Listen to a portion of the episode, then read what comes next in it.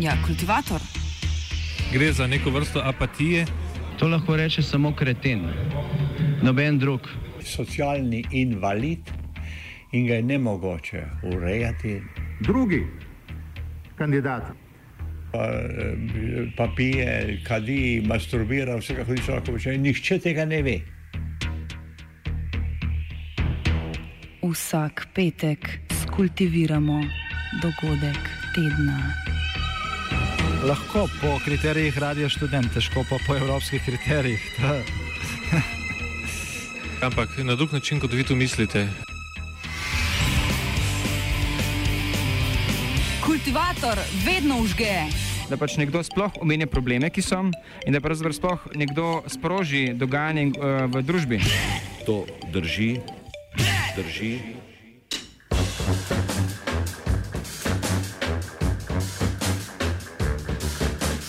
Odbor za delo, družino, socialne zadeve in invalide je minulo sredo podprl predloga novele zakona o urejanju trga dela in zakona o inšpekciji dela. Predloga sta bila del paketa treh zakonov, tako imenovane male reforme dela, ki naj bi bili sprejeti skupno, vendar so pogajanja med socialnimi partnerji pred meseci propadla. Kamen spotike je bil predvsem določilo o sporazumni prekinitvi delovnega razmerja, sledeč kateri bi delodajalec izplačeval denarno nadomestilo za brezposelnost in za obdobje največ šestih mesecev. Medtem pa delavec ne bi mogel vlagati poznejših tožb, kar bi po stališču sindikatov ustvarilo pogoje neformalnega pritiska delodajalca na delavca in tako omogočilo lažje odpuščanje delavcev.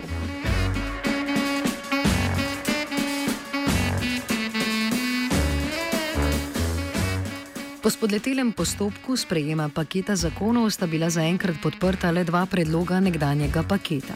Predlog zakona o inšpekciji dela med drugim predvideva globo za delodajalca v višini do 30 tisoč evrov ob ugotovitvi, da delavec opravlja delo na podlagi civilno-pravnih pogodb, medtem ko dela v pogojih delovnega razmerja. Prav tako ob kršitvi glede plačila za delo bo inšpektor imel sedaj tudi pristojnost uradne prepovedi uporabe sredstev za delo. Zakon, če tudi je korak v pravo pravo smer, pa je sporen predvsem v odsotnih določbah. V naslavljanju na široko značevalec prekarijata novele namreč izpušča agencijsko delo, pojasni Goran Lukič iz delovske svetovalnice. Če, zdaj, če se smemo na zakon o inšpekciji dela, tisto, kar je bilo obravnavano na mislim, na sredini seji odbora za delo v državnem zboru, uh, sicer je tisti, ne vem, za, za en del populacije, ki tako v javnosti rečejo prekerna, korak v pravo smer, govorimo zdaj o samozaposlenih, oziroma lažno samozaposlenih, uh, korak uh, v pravo smer, ampak uh, tukaj imamo cel del populacije, ki očitno še ni prišel na vrsto pri zavesti odločevalcev, tisti, ki pišejo člene. In to so delavci, ki so zaposleni pri agencijah, ki niso agencijah za posredovanje dela, ki niso registrirane. Skratka, kaj je z vsemi temi delavci in teh delavcev zagotovo ni malo. Eh, če sam pogledamo bolj naš primorski konec eh, na obalo, spet ponavljam zgodbo Luke Koper in njihovih pomoznih izvajalcev predstavniških storitev, za katere vsi vemo, kaj so, pač eh, neregistrirane agencije za posredovanje dela. Tam noter je par sto teh delavcev, ki delajo pri teh agencijah in uh, seveda najbolj logično bi bilo, da bi se že zdavnje upravilo tisto, kar se mora upraviti, da se vse te delavce direktno zaposli. Uh, ko smo na veliki svetovalnici izpostavili to problematiko že večkrat na državnem zboru, uh, je bilo veliko kimanja strani poslancev, veliko razumevanja, ampak uh, na koncu pa seveda v smislu realizacije tega razumevanja v obliki določenega člena, ki bi omogočil, da se ti delavci direktno zaposli preko zakona v obliki pač pritiska na tipko za takšen člen, ni bilo. Če skrašam zgodbo, v sredo je tako menila še ena priložnost, da se omogoči tem delavcem tisto, kar ne že pripada torej ne samo o, govorimo, govorimo ne samo o Luki Koper, pa o izvajalcu pesniških storitev, bankošnik, ampak govorimo o vseh teh delavcih, ki so zaposleni pri neregistriranih agencijah za posredovanje dela, da bi se jim moralo torej, preko zakonodaje tudi omogočiti, da uporabnik, torej delodajalec, ki najema e, storitev te agencije, je obvezan ponuditi tem delavcem pogodbo o zaposlitvi.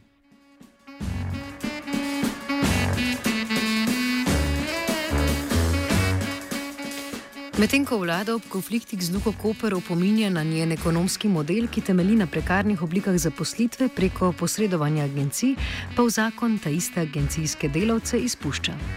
O posledičnih učinkih potenciranja sektašanja znotraj prekarnih delavcev Lukič. Mislim, prekarnost kot takšna je pojem, ki pod sabo zajema različne oblike dela in zagotovo lahko rečemo, da je v zadnjem letu zagotovo narasla, ampak eh, nočemo pa, da se zdaj zgodi, da se tudi sama prekarnost razbije na neke fragmente pri reševanju eh, pač položaja posameznih delov prekarnosti. Torej, prekarnost kot taka naj se rešuje pač čim bolj celovito, čim bolj novito, ne pa da potem imamo znotraj prekarnosti potem že posamezne skupine, ki imajo potem določene možnosti in določene nezmožnosti skupnosti.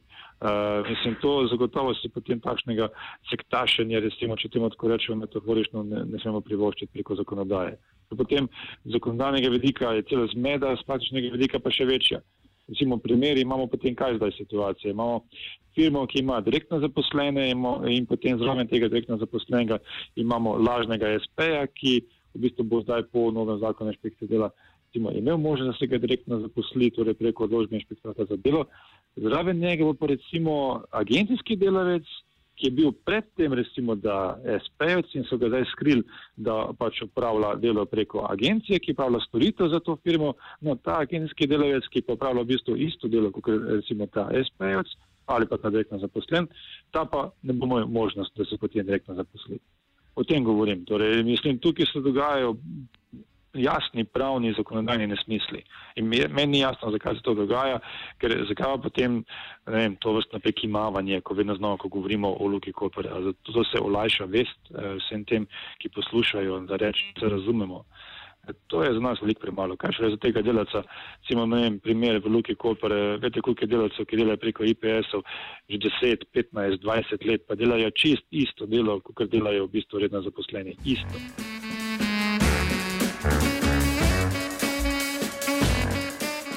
Če tudi je zakonska rešitev korak v pravo smer, pa situacija ni rešljiva brez sprememb v praksi, tudi nadzornih organov.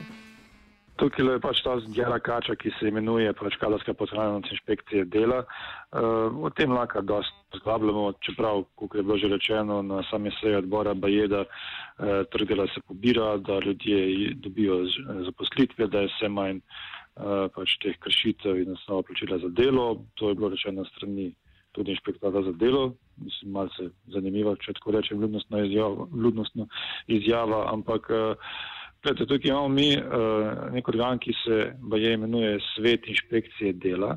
V katerem naj bi bili socialni partnerji, ki naj bi pregledovali delo eh, pač na terenu, glede samega nadzora, dajali pobude, pomisleke, vprašanja. No in ta svet inšpekcije dela bi se mogel že zdavni v bistvu oblikovati, jaz nimam pojma, če, se, če že deluje. Imamo recimo nekaj komisijo za eh, nadzor agencije za posedovanje dela, v drugem zakonu predvideno tudi zato nimam pojma, če je že ta komisija, v kateri bi tudi mogli biti socialni partnerji, pa ne vem, kdo še se nadre, ali to deluje. Imamo inšpektorat za delo, ki potem govori, da imamo kadra, Pete, imamo pa na drugi strani te delodajalce, ki se to gledajo, poslušajo in seveda si mislijo, ah, super, vmes še naprej goljufal, kdo mi pa kaj more. Tako da ja, so težave velike in ne vem, eh, ni za namen, da zdaj seveda točen začleni eh, pač po zakonodajni mizi, ker tudi nija teh povlestil. Zagotovo imam pa odgovornost, da rečem, da tukaj le neki prekleto ne štima, ker je jamranje za strani nadzornih organov premalo, definitivno premalo.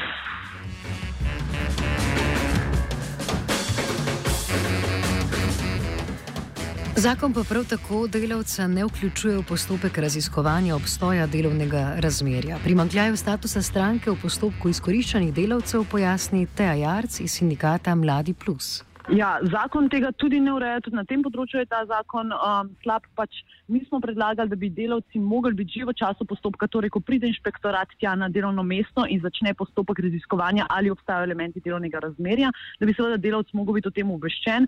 Um, ministrstvo je odgovorilo, oziroma Petr Pogačar, da to ni potrebno, oziroma da bo seveda delavc obveščen, vkolikor bo inšpektorat ugotovil, da gre torej za neke kršitve, komu bo itek v roku treh dni morala biti ponujena pogodba o zaposlitvi.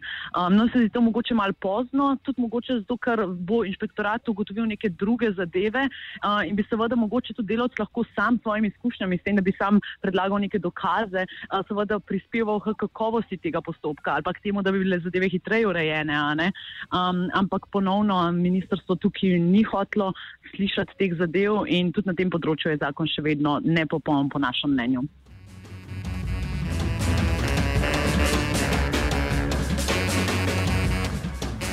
Taktika delodajalcev, ki zaposlujejo prekarne delavce, ni ravno skrita, o čemer pričajo tudi oglasi za delo. A trenutna zakonodaja ne dopušča ukrepanja inšpektorata, preden je ugotovljena kršitev, zato ni možno ukrepanje le na podlagi oglasa. Tudi, tudi to pa je izpuščeno v novem predlogu zakona. Um, tudi oglasi za delo niso bili upoštevani. Na sindikatu Mladi Plus že več kot eno leto izvajamo akcijo Stop kršitvam za dostojno delo, kjer spremljamo oglase za delo. V teh oglasih je največkrat iz samega oglasa razvidno, da obstajajo elementi delovnega razmerja, da bi morala biti sklenjena pogodba o zaposlitvi, ampak se pa ponuja pogodbe nekega civilnega prava ali pa ST ali pa celo študentsko delo ali pa celo delo preko društva. In mi smo želeli, da se v bistvu sankcionira take oglase, da se torej poveča pristojnost inšpektorata, da bodo oni lahko spremljali te oglase in jih sankcionirali. Ampak tudi tukaj ministrstvo ponovno ni želelo tega vključiti noter. Um, mi seveda vse te oglase prijavljamo na inšpektorat, ampak inšpektorat nam je po več kot enoletnem izvajanju akcije pač večkrat odgovoril, da oni samo na podlagi oglasa ne morejo ukrepati, da, torej, um, da se mora delo začeti upravljati. Tako da nažalost ne vemo, kaj se zgodi z večino teh oglasov, ampak um, nekateri so potem šli naprej, če so gotovili, da se je delo začelo upravljati. Predvsem pa to še vedno omogoča delodajalcem, da oglašujejo kakršno koli delo, tudi če je iz samega oglasa razvidno, da gre za kršenje zakonodaje praktično.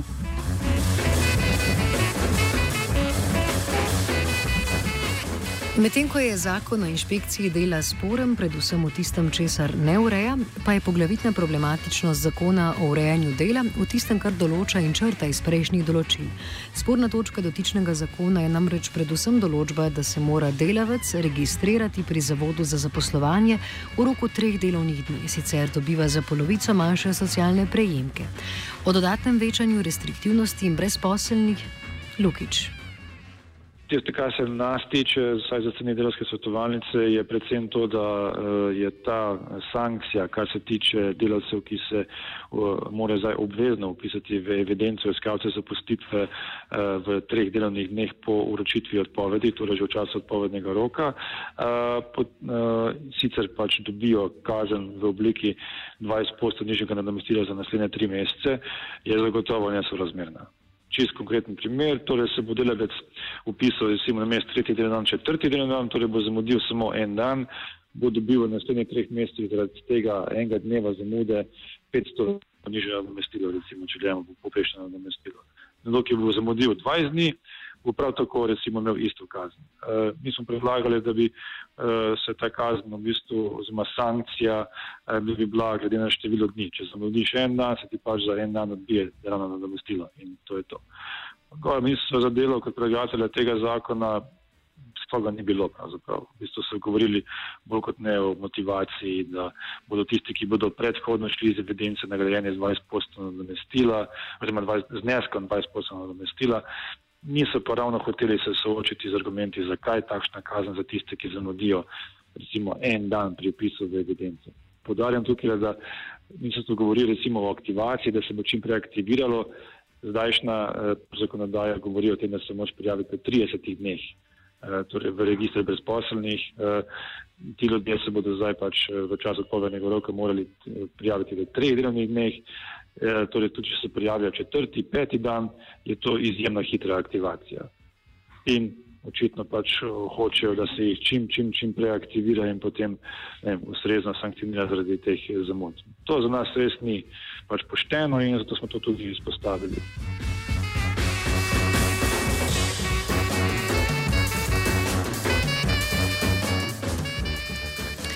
Prav tako pa sledeč novemu predlogu tuja agencija, ki dela v Sloveniji, ne bo več primorana imeti registrirane podružnice. Ukinitev zakonske regulacije pa omogoča potenciranje delodajalčevega položaja moči, še posebej, če vzamemo v obzir izkoriščanje tujih delavcev iz bolj perifernih držav. Po zdajšnjem predlogu uh, v bistvu se bo črto, oziroma se, ja, se naj bi črto tisti del zakona o urejanju trga dela, v katerem piše, da tuje agencije za posredovanje dela, ki dela v Sloveniji, eh, morajo imeti registrirano podružnico. No, zdaj se to črta, torej po novem, očitno se bo zgodilo to, da bodo tuje agencije v Sloveniji zgolj virtualne, bodo pošiljali pač delavce iz tujine v Slovenijo. Praktično vprašanje, kdo bo nadzoroval, kdo bo nadzoroval Eh, plače teh ljudi, ki bodo prihajali recimo iz držav, kot je ne vem, recimo primer Bulgarija, eh, kdo bo nadzoroval delovne pogoje teh ljudi, ki bodo prihajali iz Bulgarije, če pa sploh tukaj ne bo nobenega fizičnega stika z to agencijo. To je vprašanje seveda inšpektora za delo, eh, kako bodo oni ukrepali, pa ne bo že njih vprašati. Oni bodo rekli, da bodo ukrepali preko tega sistema izmenjave informacij, tako imenovani IMI, ampak tudi oni imajo težave za sodelovanje z drugimi organi inšpekcijskimi iz drugih držav. Pa se potem spet klopič zavrti. Ta agencija iz tujine se pa seveda sladko smeje, ko ugotavlja, da jo pač z obeh strani držav noben ustrezno ne nadzoruje. No, kot rečeno, pa se sprejemanje dotičnih zakonov vleče že mesece, medtem ko so deklarativni nameni vlade v ureditvi delovno-pravne zakonodaje v zraku že leto in pol. Jaz mislim, da gre predvsem tukaj za zelo veliko političnih preigravanj, za neke farse. Moramo se zavedati, da ministrstvo je naslovilo področje dostojnega dela že pred več kot letom in pol. Takrat so rekli, da se bo celostno spreminjala delovno-pravna zakonodaja, da se bodo vsi um, zakoni sprejeli v paketu. Tudi zato se že pred letom in pol ni sprejel predlog zakona o inšpekciji dela, ki je bil skoraj identičen temu, ki se je sprejel pred parimi dnevi. Um, in nekako s tem argumentom so igrali igro zavlačevanja reševali. Zdaj pa pač vidimo, da v bistvu tega paketa ni. Zakon o delovnih razmerih se še vedno čaka, še vedno se bo sklajeval v ponedeljek na delovni skupini in potem, preden bo prišel v parlament, bo še nekaj časa očitno potreboval. Um, tako da ne vem, ta paket, celotna delovna pravna zakonodaja, um, nekako ni več paket. Um, in pa pač, ja, vmes je bilo enostavno preveč preigravan.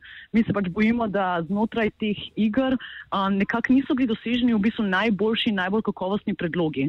Vmes, kot rečeno, vsaj glede zakona za um, urejanju inšpekcije dela, um, so bili boljši predlogi vmes na mizi, ampak se je ravno s tem izgovorom vse ono spremljali v paketu, te predloge odrivali stran. Uh, zdaj smo priča temu, da končno sicer ja, je zakon sprejet oziroma bo začel veljati, ampak v resnici to ni najboljši zakon in pa konc koncev eno leto pa pol prepozno.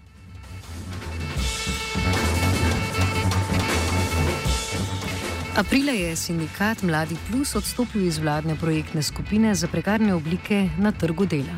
Kaj so razlogi za to?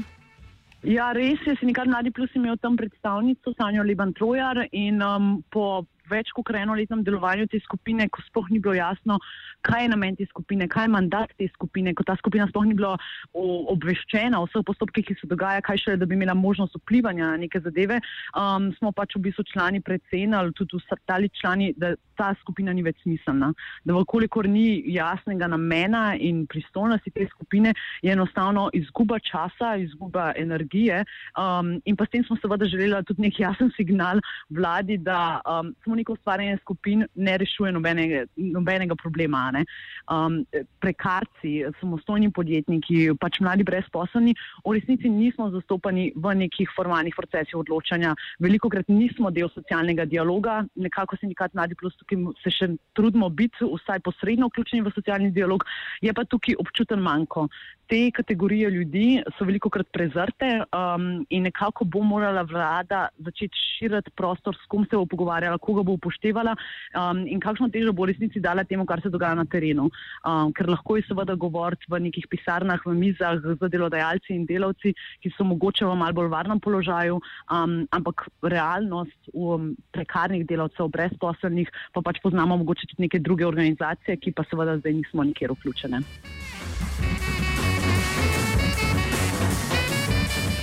S tem, da sta predloga premalo in prepozno, današnji kultivator zaključi Lukič. Jaz bi rekel, da v bistvu se skupaj skoraj da na koncu izvenelo kot, eh, ne vem, prepucavanje, eh, pač, oziroma prestiž nad tem, eh, da bo na koncu nekdo pobral zasluge za to, da se saj en del populacije, ki se je popularno rečena, popularno definira kot prekerno, nekako izvleče iz te situacije. Zdaj, očitno je to zelo popularna tema, da se kitiš pač za tem. Uh, in mislim, meni je popolnoma vseeno, mislim, zdaj na koncu koncev uh, tukaj je pomembno, da se pač tem delavcem, ki so v taki situaciji, kot je prekerna, zagotovi, torej, da niso več v taki situaciji, da se jim torej omogoče, da zbežijo ven iz tega, uh, ne pa da pač, uh, da so vse čas v nekem strajanju v temu. Skratka, nek grenek občutek je, da bi se to lahko že zdavne rešilo zdavni, zdavni, ker prvi predlog, kot se spomnite, oziroma se vsi spomnimo od takrat še družene levice, na vse je bilo skoraj da isto, kot je na koncu pač eh, to vse skupaj bilo pripravljeno. Vmes je levica še pripravila manjma, da so tudi, kot smo že rekli, agencijske delavce oziroma delavce, ki so zaposleni pri neregistriranih agencijah, omogočili direktno zaposlitev, pa je potem to ministrstvo povozlo. Um, skratka, tukaj je velik premal eh, veliko prepozen, za veliko premalo teh oseb, ki so v tej definiciji prekernosti bilo narejenega za strani odločevalcev političnih.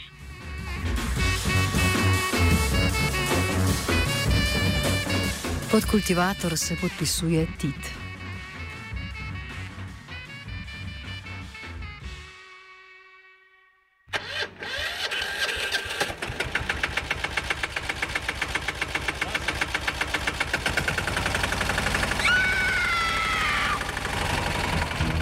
Kaj pa je to? Ja, kultivator. Gre za neko vrsto apatije. To lahko reče samo kreten, noben drug. Socialni invalid in ga je ne mogoče urejati. Drugi kandidat. Pa, pa pije, kadi, masturbira, vse kako hoče, lahko reče. Nihče tega ne ve. Vsak petek skultiviramo dogodek tedna. Lahko po kriterijih radio študent, težko pa po evropskih kriterijih. Ampak na drug način, kot vi tu mislite. Kultivator vedno užge. Da pač nekdo sploh omenja probleme, ki so, in da pravzaprav sploh nekdo sproži dogajanje uh, v družbi. To drži, drži.